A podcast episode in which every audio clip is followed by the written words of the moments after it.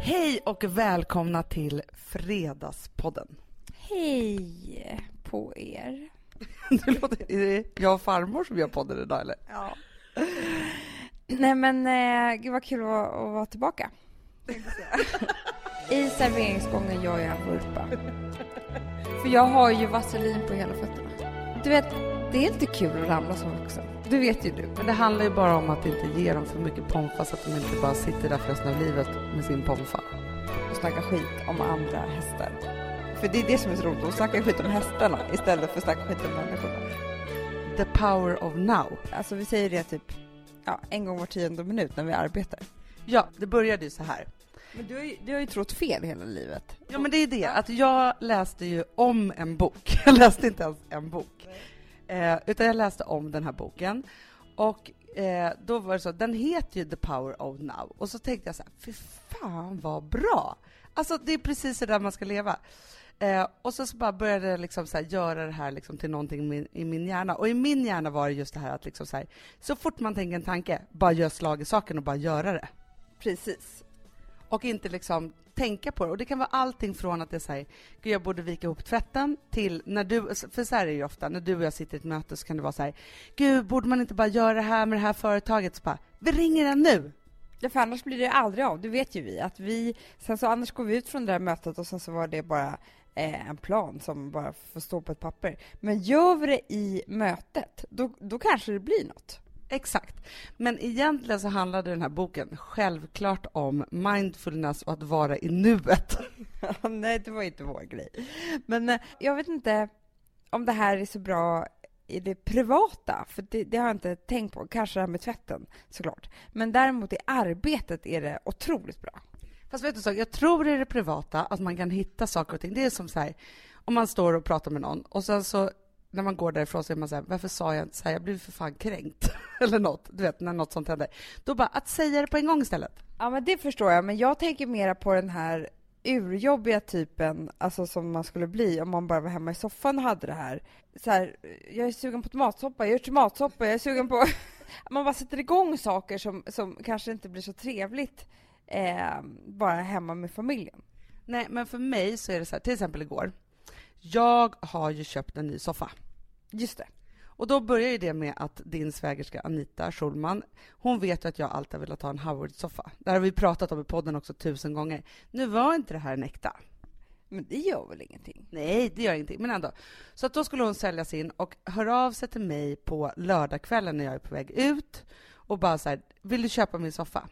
Jag och Gustav sitter i taxin och så säger jag så här till Gustav, jag bara, ska vi köpa en ny soffa? Och Gustav är inte så mycket the power of now. Han är ju bankis. Ja. Han är ju the power of later. Ja, verkligen. The power of never. Men ändå så, så älskar jag ju honom för det, för ibland så behöver, är också the power of never bra. Fast ska man köpa en ny soffa så är det inte det så bra. Men i vilket fall som helst, så då bara tittar jag på honom och bara så här, the power of now. Och så bara, vi tar den. Och då blir han så här, men gud, vår gamla soffa, hur ska vi göra? Så här. Sen igår kom soffan hem. Jag bara, okej, nu lägger jag ut den gamla på Blocket. Det svarar en person, nu kommer den och hämtar den här jäkla soffan. Och, men du vet, så, allting är rullning liksom. Ja, precis. Och den här soffan har jag haft i tio år och inte kunnat göra mig av med. Men jag vet, den var ju urkonstig. Nej, men jag tror att det är det här att putta sig över kanten direkt och inte hålla på och fundera så mycket. Jag tror inte alltså, ens hälften av våra projekt hade varit projekt. För att just i det där nuet så kan man ju lätt ha lite hybris. Och sen går hybrisen över. Så att det är så här, tänker man så här, jag vill gå på dejt med den där killen. Om man bara var så här, ska vi gå på dejt? Men om man tänker igenom det där ordentligt, hur pinsamt man skulle vara och tänka om han tackar nej så vidare, så här, nej men då kommer man ju inte fråga. Nej, precis. Det är väldigt bra eh, trick eh, om man är ett, lite lat, för då gör man saker direkt. Två, nervös för saker och ting. Då är det superbra, för då bara gör man det liksom i, i bara farten utan ens tänka på hur nervös man egentligen är det var ju en otrolig så här, filosof, profet, guru-aktig människa som har skrivit The Power of Now. Den boken. Du och jag kanske ska skriva The Power of Now, gör det nu-boken. Bra idé. Jag tror den kommer sälja, sälja som smör. Eh, det är kanske är det som gör oss rika till slut. Som gör att jag kan köpa äkta Howard-soffor. Ja, precis. Anna, jag måste berätta om min gårdagskväll. Det började med att jag hade en dag som jag tror att eh, du vet hur det är. när barnen är väldigt, väldigt mycket. Du vet precis. När det känns som att man är familjen annorlunda, fast man har inte tio, man har bara två. Precis, man förstår inte hur två kan vara så mycket, eller så många. Eh, och jag var ensam med barnen också. Och det, du vet de där timmarna mellan dagis och läggning, de är familjen annorlunda. Men var du ensam också? Ja. För det är det också, jag kan ibland få som en besatthet av att jag vill, just de där timmarna mellan dagis och läggdags, att Gustav ska komma hem. För att det känns som att varje minut är en timma. Det var så jag kände. Och det roliga var att han, när Alex ringde och sa så här, men nu är jag på väg och ska gå och handla, då kände jag så här, nej jag vet inte om jag pallar det. Det är liksom 20 minuter till. För det är bara någon sorts på morgonen är det så lugnt och mysigt, man skulle kunna vara liksom med barnen i tio timmar. Och dagen är också, men det är de där timmarna som är speciella. Men jag vet precis vad du menar, för jag kan också vara så här, om Gustav bara, men ska jag handla ut? Jag bara, kom hem nu! Gå inte, ta inte tunnelbanan! Alltså, med den rösten också. Man får panik. Man får fullständig panik. Och sen så kommer Alex hem till slut och vi åt, man, du vet när det bara är så här, alltså jag vet inte om jag såg Alex. Alltså du vet, vi bara åt och, och skulle lägga barnen och han sa så här, eh, för han skulle sticka iväg på kvällen igen. Eh, så han sa så här, ska, ska jag sticka iväg nu så jag kommer hem tidigare så kan du lägga barnen. Nej, nej! Jag fick panik. Nej, du måste hjälpa mig. Ja, så när de hade gått och lagt sig, det finns ett par saker man, alltså ett par alternativ man har då. Ett, gå och lägga sig själv. Två, eh, svepa två glas rödvin typ. Men det hade jag ingen lust med för det var så tisdag. Tre, lägga sig i ett varmt bad. Exakt vad jag tänkte på. Och det tänkte jag, det ska jag göra nu. Då vill jag bara beskriva det här som är typiskt oss. Att nu har på något sätt vår badkarspropp eh, gått sönder. Det här då, det hände ju kanske för flera månader sedan. Det ordnar inte vi på något sätt, utan det finns en anordning nu som är otrolig, som jag har ordnat. Och det är att man eh, tar en liten handduk, för den läcker. Man tar en handduk, lägger den på proppen, lägger på eh, vinöppnaren, för den är tung, eh, och även duschkranen och en slev som ligger på det här hela tiden när man badar. Men Amanda, jag blir så full skratt. Alltså, jag har ju i månader, alltså varje gång jag duschar eller badar så blir det översvämning för att min propp läcker. Och, och inte bara läcker, Amanda, då blir det också så det är stopp i avloppet så att det blir översvämning. Men då i lördags när jag badade, då hittade jag en liten boll, perfekt, i den här proppen. Men sen fick vattnet vara där, för att nu liksom gick det överstyr. Ingenting ville överhuvudtaget ens åka ner i liksom där under. Mm. Så jag fick vara så, eh, för att jag skulle också träna på måndag, så att det var så här, jag kunde ha det så på söndagen, för då behövde jag inte duscha. Eh, och sen så skulle jag ju duscha på gymmet på måndag morgon, liksom, så, så att det kunde vara så. Till måndag kväll, då jag var tvungen att vara lite power of now efter 14 månader och rensa proppen. Och då blev jag så irriterad på mig själv, för då tog ju det tre minuter kanske. Och nu så rinner det bara, det bara skvalar ner, det bara försvinner. Men jag har fortfarande ett problem kvar. Jag har ingen propp. Nej. Precis, för att vi har, vi har inte stopp, men däremot så, det här, jag tror att på riktigt så är det så att vi måste flytta. Vi måste köpa en ny lägenhet för att kunna ta ett bad i nästa lägenhet. För att vi kommer aldrig ordna det här. Men jag... du, tänker du så här då? För jag, jag kan ju bli också jäkligt arg på Gustav till exempel. Ja, för jag... jag... blir så här, varför är inte han bara en sån som bara oj, proppen är trasig här, men då kanske jag går och köper en ny och fixar och donar lite. Han har ingenting sånt i sig. Men så tänker jag så här, ja men jag kan göra det själv. Men då tänker jag så här, jag gör allting själv. Ja men jag blir arg på Alex för att han är för lik mig. Alltså, för att han gör ju inte det här heller jag tycker däremot att jag är så jäkla fiffig som fixar det här med vinöppnaren och det där. För det skulle han, han aldrig ens komma på. Eh, så jag tycker liksom att jag har gjort hälften av jobbet här. Jag håller oss över ytan. Eh, men han måste ju göra sen jobbet och det stämmer inte heller riktigt. Men hur som helst, jag lägger mig i det där badet med vinöppnare, slev och handduk. Alltså du badar ju inte själv, du har ju en hel köksö med dig. ja, verkligen. Och eh, tänker då att jag måste lyssna på någonting, någon podd. Så att jag sätter på P3 Dokumentär och lyssnar på Helénmordet. Amanda, det kanske är det värsta du har gjort mot dig själv. Men det är inte mänskligt, Anna. På riktigt så måste jag säga så här, alltså gör inte. Sätt inte på, om du inte har lyssnat på det här, lyssna inte på det. För det är, det, det är liksom, jag vet inte hur jag ska beskriva det, men, men det går inte överhuvudtaget. Alltså, och har man barn att lyssna på den här mamman som liksom beskriver den här minuterna, timman, dagarna efter att hon har försvunnit. Och man, du vet, någon har ringt hela klasslistan och, och sista föräldern säger så här, nu tror jag att du nog ska ringa polisen. Okej, okay, jag kanske gör det. Och sen så hur allt det här satts igång och hur då sen polisen kommer och hon har hittat i en plastsäck. Och det värsta är, Hanna, att man då får, hon har ju blivit utsatt för väldigt grovt våld och blivit våldtagen, tioårig flicka. Men de vet då också att hon bara varit död i eh, två dagar. Hon har varit borta i sex. Så att han har ju hållit henne levande i fyra dagar. Hon har utsatts för allt det här. Alltså det, det, det är bara... Det är liksom... Det, det, var fan det vidrigaste jag har lyssnat på. Men det är lite så med P3-dokumentärerna överlag, för jag, jag älskar ju dem. Men man gör sig nästan en otjänst när man lyssnar på just de här barnamorden, för de är ju helt fruktansvärda. Och det är sån, alltså det är sån styrka i dem som berättar, och jag kan också förstå att man kanske vill göra det efter massa år och så vidare. Så att jag, jag kan verkligen förstå det. Men man vill flytta till en öde ö och se till att aldrig någonting ont någonsin kommer hända någon man älskar. Ja. Och det som hände mig då efter att ha varit nere och dykt i detta fruktansvärda mörker var att jag var tvungen att gå upp och hetstitta jättemycket på toppmodell. Ja, men det förstår jag, för man måste bryta av och göra någonting annat. Jag var ju tvungen att komma ur det här på något sätt. Alltså, antingen var det att åka typ till psyket och spärra in mig, eller så var det att hetstitta på toppmodell. Alltså jag var tvungen att titta så här koncentrerat. Här händer då två saker medans. Det ena är att ena min fot har blivit jättetorr. Oj, Amanda. Jag har ju googlat sjukdomar, Hanna. Ena foten är sprickor, allt du kan tänka dig, på hälen. Den andra är babylen.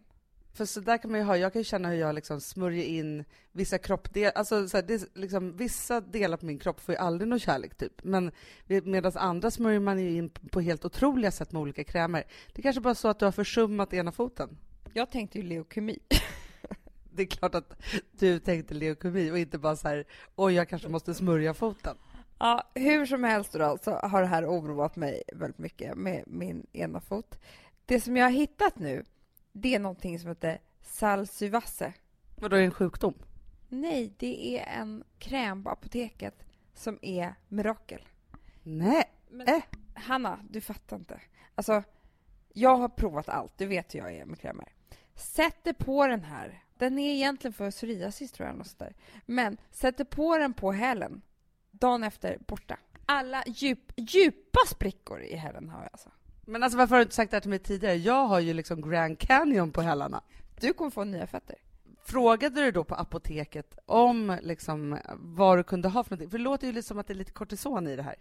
Nej, det som hände var att jag tog lite av, för det finns en procentig som jag tog lite som man har till mjölkskorv. Den tog jag på foten och det funkade så jävla bra. Och då såg jag att det fanns 2% på apoteket och då gick jag ju bananas. För det jag tror egentligen, om jag ska vara ärlig, efter leukemin, om det inte är det, då är det att jag har använt de här babyfoot. De torkar ut. Mm. Eh, som man också köper på apoteket. Så det här har alltså gett mina, mina fötter ett nytt liv. Men det här skulle jag då göra igår. Ja.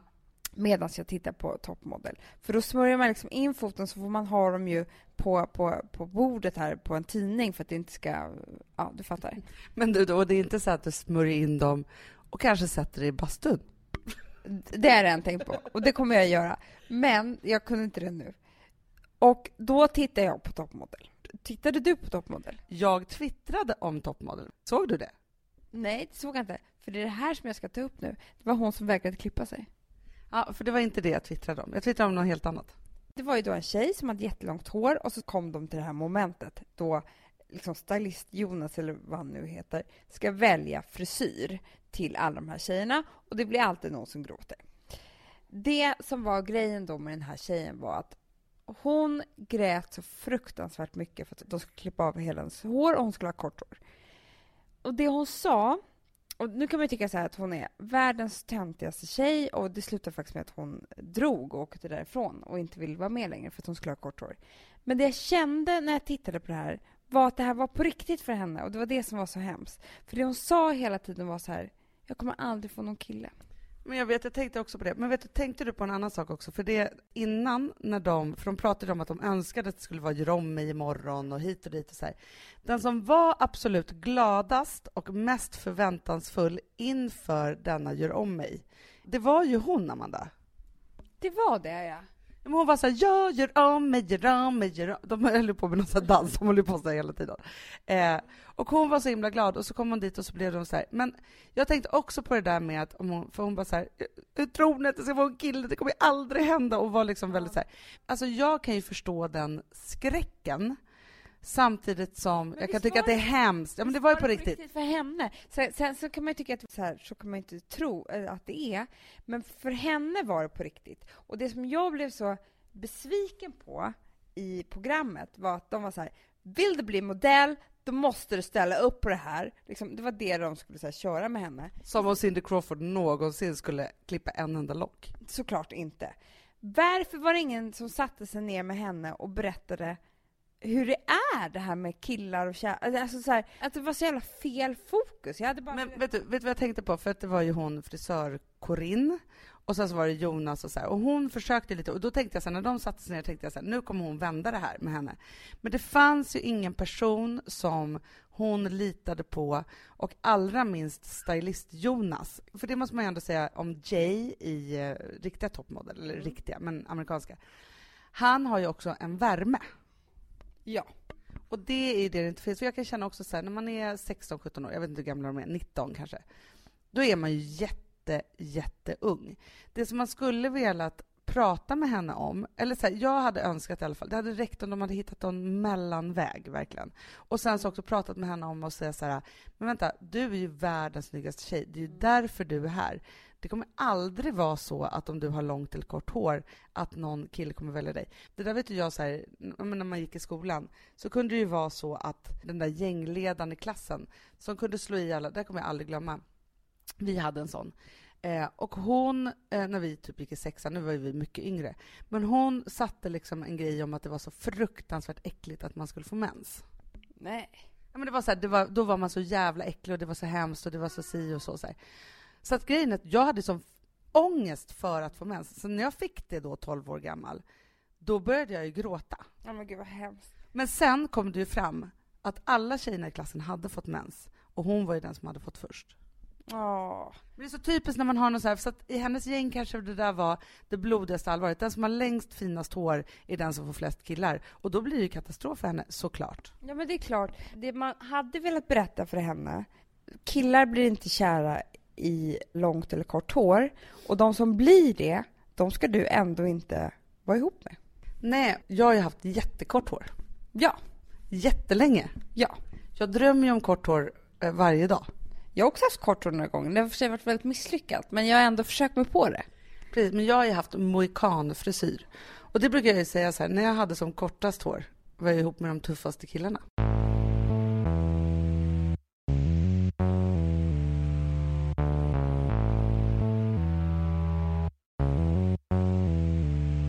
Sambla som vi sponsrade av är tillbaka. Ja, men det tycker jag är så kul. Vet du vad jag kände?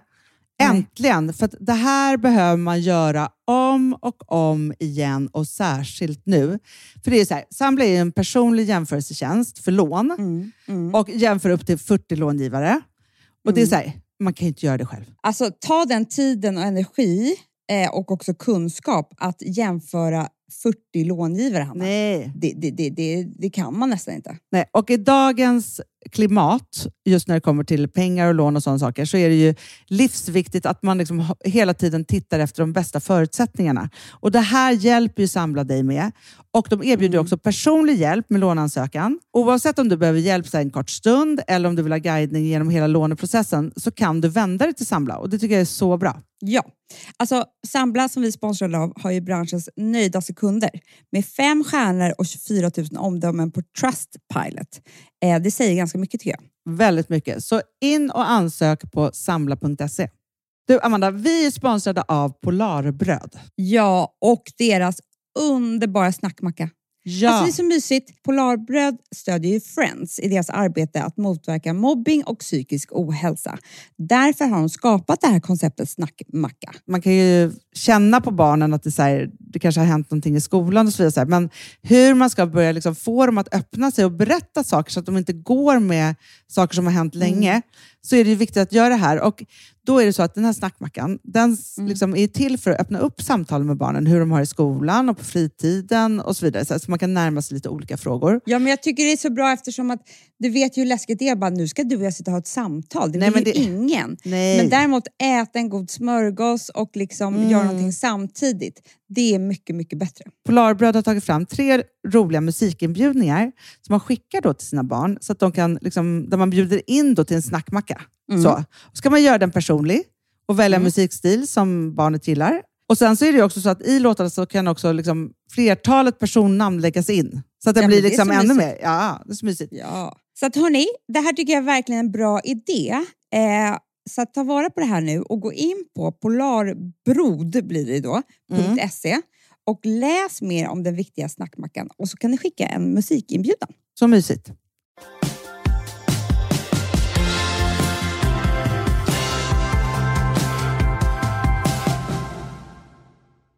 Helt plötsligt i allt det här så vaknar Frances, hör jag. Och då är det väldigt bråttom för att vaknar hon till för mycket då räcker inte man med att stoppa i nappen, förstår du? För då har hon verkligen vaknat till. Så man måste vara snabb här. Jag springer upp.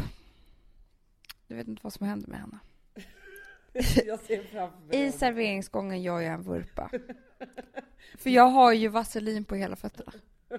Från den där. Som gör, alltså... Du vet, det är inte kul att ramla som vuxen. Det vet ju du. Alltså, och det är inte kul att, att ramla halvnaken heller. På, alltså, det var så förnedrande på alla sätt och vis. Och det gjorde så ont. Och det som hände var att jag började gråta som om jag var ett litet, litet barn. Men vet du vad, vad som hände egentligen? Det var att det gjorde lite ont och det förlöste allting som jag kände för Helene-mordet som jag hade tryckt undan egentligen. Förstår du? Jag hade suttit där och försökt trycka undan alltihopa och sen så gjorde det här fallet att det var så här, allt var bara över ändå. Det var bara att släppa ut allting. Ibland är det skönt att slå sig just därför. Ja, exakt, för det hade varit en annan grej att bara sitta i soffan och gråta. Nu fick jag ju gråta liksom på riktigt. Det var min kväll.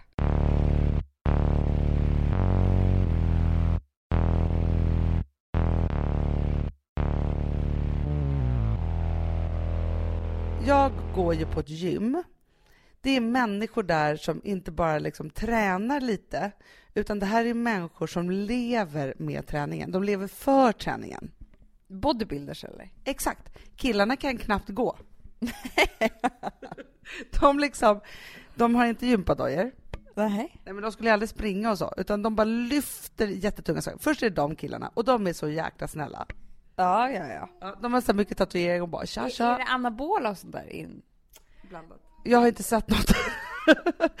men nej, nej, det tror jag inte. Men de, alltså, de är så här, de går omkring eh, och så har de så här gymjeans och så någonting och så ofta så här kedjor som rasslar som hänger runt midjan för att allt ska vara ännu tyngre. Och så går de alltid och dricker någonting, någon otrolig proteindrink eller någonting sånt. Jaha. Sen har vi några andra killar som är så spänstiga. De är som gymnaster. När de gör såna här burpees eller vad det heter, så lyfter upp sig själv, då är det också rätt ut med benen som att de ska vara med i OS. Men gud. Otroliga människor. Och sen så har vi några tjejer som tränar där. Jaha. Och de är ju de är bodybuilders typ. Jaha. Och så finns det ett litet, litet tjejomklädningsrum med så två duschar, man är väldigt nära varandra. För jag tänker så när man går på Sats eller något sånt där, som jag har gått på jättemycket av, fortfarande kort på av någon konstig anledning. Då är det så att man går på något pass, man pratar inte med någon, utan alla liksom vaktar lite på sig själva. Visst, man så här tisslar och tasslar kanske med någon kompis och så, men det liksom finns inget naturligt häng. Nej. Medan i omklädningsrummet här, alltså vi snackar på ett sätt. Jag håller på att få nya kompisar. Om vad?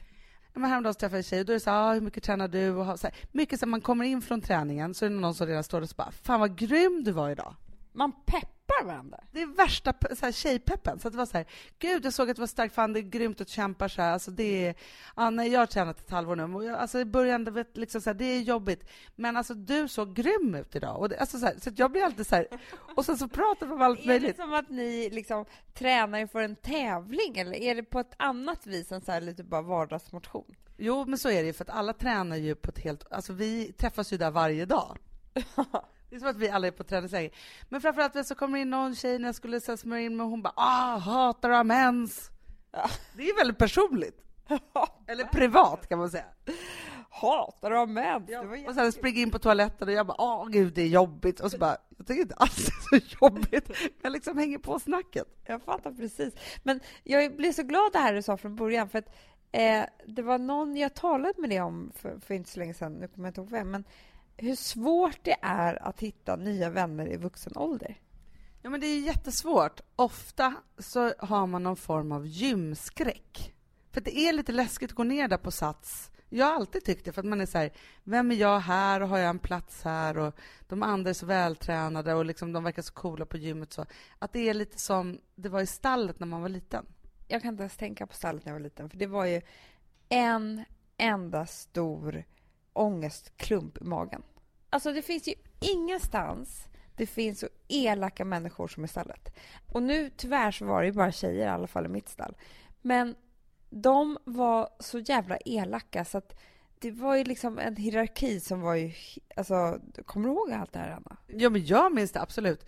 Alltså det var ju en tävling vem som skulle få vara mest i stallet och vem som var mest värd att vara där på något sätt. Ja, och första skötare och andra skötare och alltså, sen var fanns det de som hade egen häst.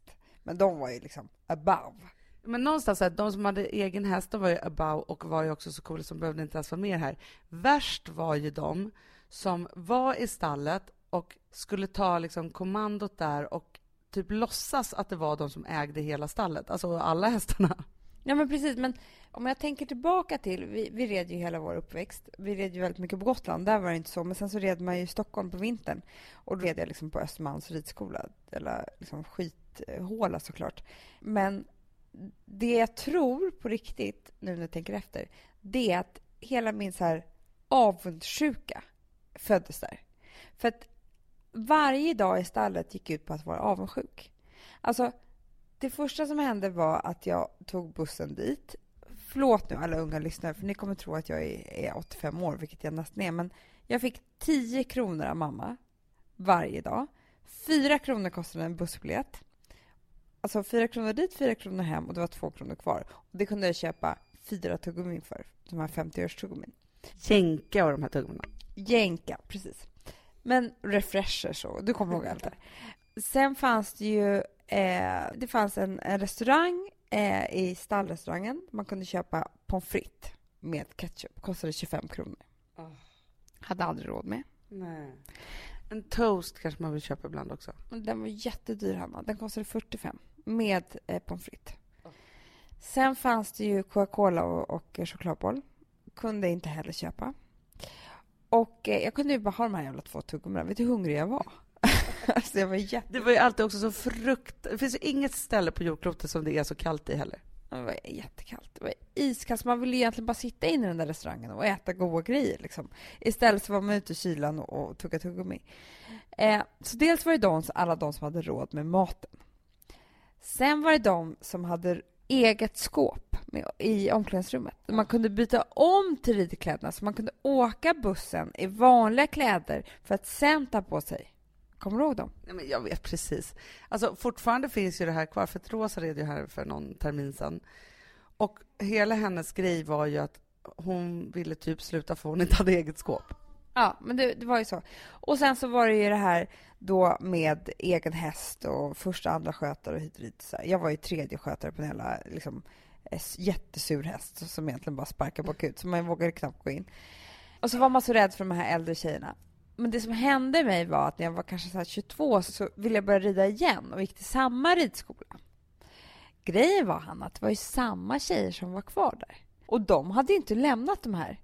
Eh, och det, det, det konstiga var att jag blev ju 11 år igen. Jag blev så blyg och rädd och trodde att jag inte hade råd med pommes frites. Men det är precis det som händer. Men det är också de här alla hierarkier, eller vad man ska säga, så här, som man är med om när man är liten. Hamnar man där igen så sjunker man ju direkt in i den där rollen. Alltså, det spelar ingen roll om man liksom är tror jag så här, har blivit VD på ett stort företag. När man träffar sina gamla klasskompisar, då blir man den där nörden eller vem man nu var. Ja, men du sa en sån klok eh, grej häromdagen. Vi har haft att göra med en tjej som som vi blir lite sådär med, som är liksom väldigt eh, speciell på alla sätt och vis. Men vi har inte riktigt fått grepp om henne och det har så här med jobb att göra hit och dit. Och sen så bara hände någonting och då sa du till mig, det här var förra veckan, men Amanda, hon är ju bara en av de där dumma tjejerna i stallet. Det blev så tydligt helt plötsligt att det var så det var och det var så, precis på samma sätt som hon måste ha varit i stallet, om hon någonsin har varit där, så tror jag att hon gör på sin arbetsplats. Förstår du? Ja, men det är klart. På ett sätt så är det ju nyttigt att ha gjort den där resan istället. För att man har ju koll på typerna, om man säger så. Man kan ju se direkt så här, vem eh, som var den i stallet eller klassen eller hit och dit. Men det är bara det att för, för ens självförtroende så är det ju skit. Ja, men det är det. Och det var ju också så himla krävande, för man var ju där i stallet och sen så var man liksom aldrig riktigt nog. För också så här, de där tjejerna som också ska vara så här, med när man rider och så här, så man behöver ju vara lite tuff liksom, med hästarna och så, för det är ändå stora djur. Och det var ju liksom förknippat också med det, att liksom få liksom vara med i det där. Men jag måste säga så här, min lyckosammaste tid i stallet var ändå när jag, på grund av att jag faktiskt var ganska duktig, fick genom min liksom ridlärare som jag hade i Enskede ridskola, eh, så fick jag få den som skulle tävla Heartbreaker. Kommer du ihåg heart, hästen Heartbreaker? Oh my god. Och det var ju liksom ändå lite fantastiskt, för det var ju också det, ridskollärarna, de var ju liksom gudarna. För de kunde ju också ge en, en liksom fri biljett. Men oftast de var bitchar också. Såklart att de var. Men alltså grejen är ju så här Amanda, att nu när jag har följt med Rosa till stallet och så, det som hände på hennes förra stall, det var ju så att jag kommer dit och så tänkte jag så här, nu måste jag ta makten över det här, liksom så, för jag måste liksom ge mig in i stallet för att det här ska funka. Ja, jag förstår. Men Rosa hade då en ridskollärare. Hon ville inte ens titta mig i ögonen. Nej. Utan hon var bara så tuff. Och sen så var det så här, för satt jag Rosa liksom i en, ja, det kanske var lite mer avancerad grupp än vad hon skulle gå i. Men jag visste så här, Rosa är en duktig tjej, hon kommer rida i fatt här på ett par gånger. Mm. Hon bara, ja ah, men ni kanske behöver ta några extra lektioner och var så jävligt bitchy. Men sen tog det bara tre gånger, så, så var Rosa fatt och då var hon nästan tvungen att liksom be om ursäkt för det här. Men eftersom jag inte fick något liksom G med den här ridlärartjejen, eftersom hon inte ville släppa in någon ny överhuvudtaget och göra så att man kände sig som man var ett i stallet, då pallade inte vi vara kvar där. Nej, men jag förstår det.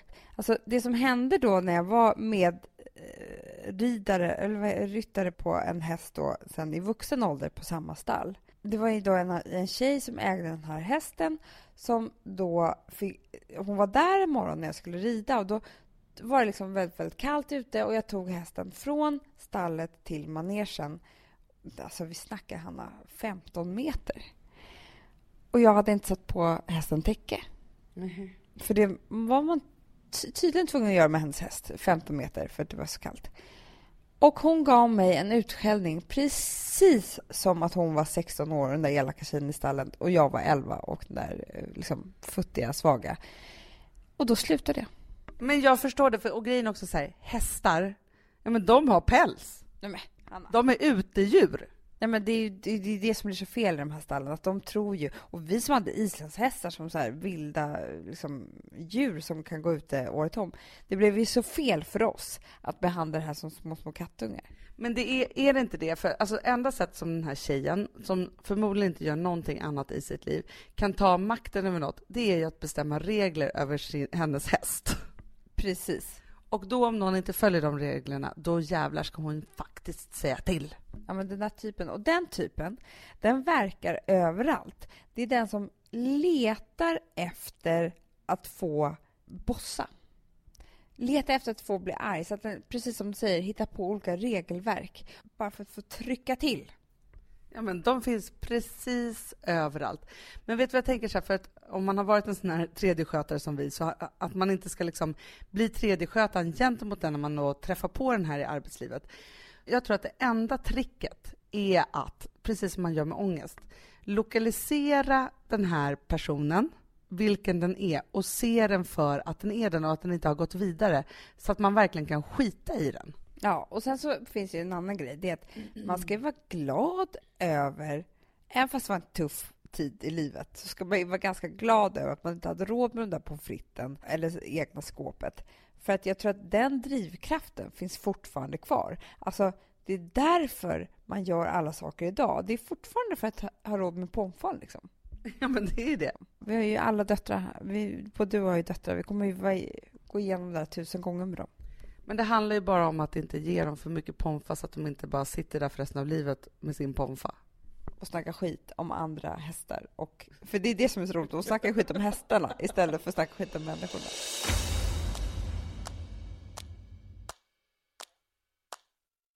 Alltså vi sponsrar Bosch. Har du testat i maskinen nu? Snart är det jag som kommer lägga upp en limpa på Instagram. Är det så? Ja. Är det så? Det som har varit så svårt för mig, Amanda, Mm. det är ju att bakning, alltså så här, matlagning, då kan man ju göra lite Mm. hejsan hoppsan. Bakning är kemi. Ja, och vet du vad som också har varit svårt? Det är ju att du kan inte så här, alltså tomatsås så kan du ju salta och peppra och allting med tiden och smaka Mm. av. Det är svårare med en deg alltså. Vi är ju sponsrade av Bosch nya köksmaskin serie 6. Och den är extra smart. Och det är tur för mig kan jag säga. För att det är så här att först så liksom, man väger sina ingredienser direkt Ja, i och det bunken. här läste jag om. För det var något recept jag skulle göra. Det var så här, ta inte med decilitermått eller så. För att det blir inte samma. För då trycker man... Det är inte, det är inte samma vikt. Nej, Alltså, det kan bli liksom det en kan bli jättefel. fel hit och Ja. dit. Alltså, så. Ja. Men då gör man ju det så här, Det är ett geni av- ovanpå maskinen. Ah. Så mysigt, man känns så duktig. Sen finns det ju en integrerad timer. Ah.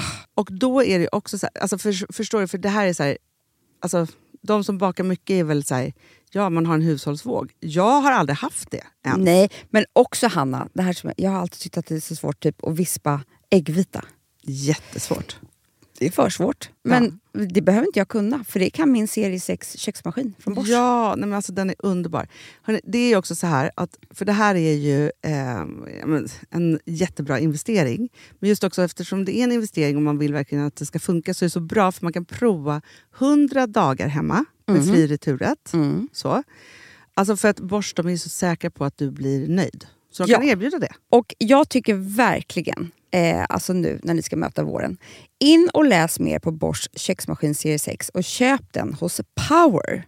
Det kommer bli en, en underbar sommar. Voff, voff, voff.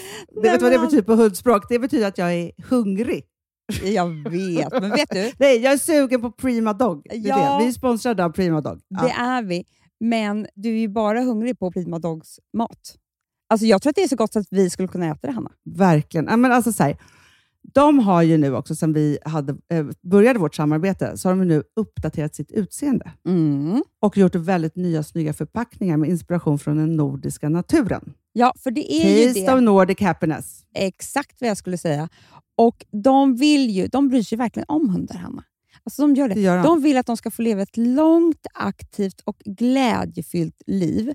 Och därför har de skapat de här produkterna som är väldigt snälla för magen. Och Det, alltså, det måste man tänka på med små woofsisarna. De vill vara bekymmersfria. De vill inte ha ont någonstans. Nej, men det blir också så att hundägarna blir också bekymmersfria. För annars kan man ju vara så här, "Ha, behöver du gå ut nu eller inte? Har du ont i magen? Du, Alltså, hundar kan ju Också inte på prata. mina mattor blir bekymmersfria. Ja, det är så bra. Om man nu ska Nej, här, prata om för, sånt. För, för hundmaten från Prima Dog, de innehåller ju alltid mycket kött och är alltid fritt från vete. Mm. Och Det finns ju också spannmålsfria alternativ om hunden har extra känslig mage. Ja, alltså hörni, ni måste, eller ni testar, er hund måste få testa det här. Och ni hittar ju Prima Dogs produkter i er lokala matbutik eller hos återförsäljare online. Ni kan gå in och läsa mer på primadog.se. Taste of Nordic happiness. Voff!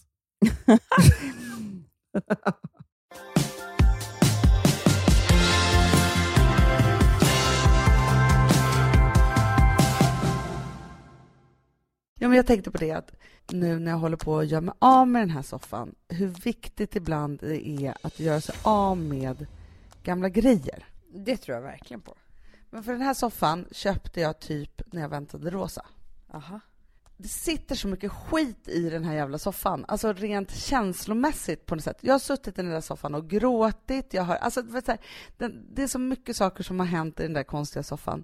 Så jag kände liksom, som nu när den ska bli hämtad idag, så kändes det som en sån oerhört stor befrielse att jag nu blir av med den här jävla soffan. Och det handlar inte om, så jag har inte kunnat göra mig av med den heller för att jag har tänkt att jag skulle hitta en lika stor och den var så bra och jag har ändå köpt den för massa pengar en gång i tiden, bla bla bla. Så Men det är nu som att jag begraver en hel era. Gud vad skönt. Alltså jag tänker bara på alla jular som, har, som sitter i den här soffan. Fruktansvärt! Bort med dem liksom. Men alltså, jag och Alex kom ju från varsin relation när vi blev tillsammans där vi liksom bodde ihop med de här människorna. Eh, och vi bara träffades ju och så blev blixtkära i någon liten ungkarlslya som Alex hade bott i i några veckor. Och sen så bestämde vi oss för att vi åker inte hämta våra gamla saker hos de här eh, gamla människorna som vi hade varit ihop med. Jag skulle hämta några saker av det jag hade kvar. Jag tänkte ändå, jag måste ju liksom kläder och så vidare. Det som hände var att, det var kanske inte så mycket kläder, men det var lite andra saker, var att jag åkte upp till den där lägenheten, fyllde en hel bil, var nygravid, mådde illa och det var bara så jävla ångest alltihop att ta alla de där sakerna därifrån. Åker hem till Alex eh, och bara gråter för att allting var så konstigt. Eh, kommer ut nästa morgon och det var inbrott i bilen och allt var försvunnet. Och det var sån skön känsla för att jag vet nu att allting som vi har i det här hemmet har vi skaffat själva i en härlig tid. Men det är underbart, för någonstans så tror jag att man ska inte underskatta det som sitter i väggarna, brukar jag säga. Alltså jag kan ju komma in i en lägenhet och bara känna så här, uh, här har det varit för mycket bråk. Eller, alltså man känner verkligen så starka känslor. Och så tror jag att det måste varit för er alla att sitta i den här soffan. Ja, men jag tror verkligen det. Och, och det som du säger, alltså, man, ibland måste man bara rensa upp. Ta bort gamla... Alltså minnena sitter ju kvar där. Usch! Nej, men så jag vill bara säga det. Om, om ni ska göra någonting i helgen, ta det som känns som ångest, men som ni har någon konstig sån här, jag kan inte göra av med det, och bara lägg ut på Blocket och skriv bortskänkes mot att det avhämtas. För det tror jag ibland är det enda sättet. Ja, och låt er inte luras, vilket jag gör ofta det är att jag tänker så här om dyra saker. Alltså, jag har inte använt det här plagget någonsin, men jag kommer ändå ihåg att jag köpte för ganska dyra pengar. Eller vad det nu kan vara, liksom en vas eller så här. Att man därför behåller det. Skit i det. Det har inget värde ändå. Ta bort det. Och vet du att du har en kompis som tycker om någonting som du har som du inte bryr dig så om så mycket mer än dig själv?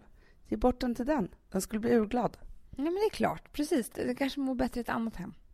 Exakt. Det får väl vara slutorden för den här äh, fredagspodden. Ha nu en underbar helg. Rensa. Eh, tänk på alla gamla elaka stallkompisar och skratta åt dem. Gå och köp en pommes frites om ni har råd med det.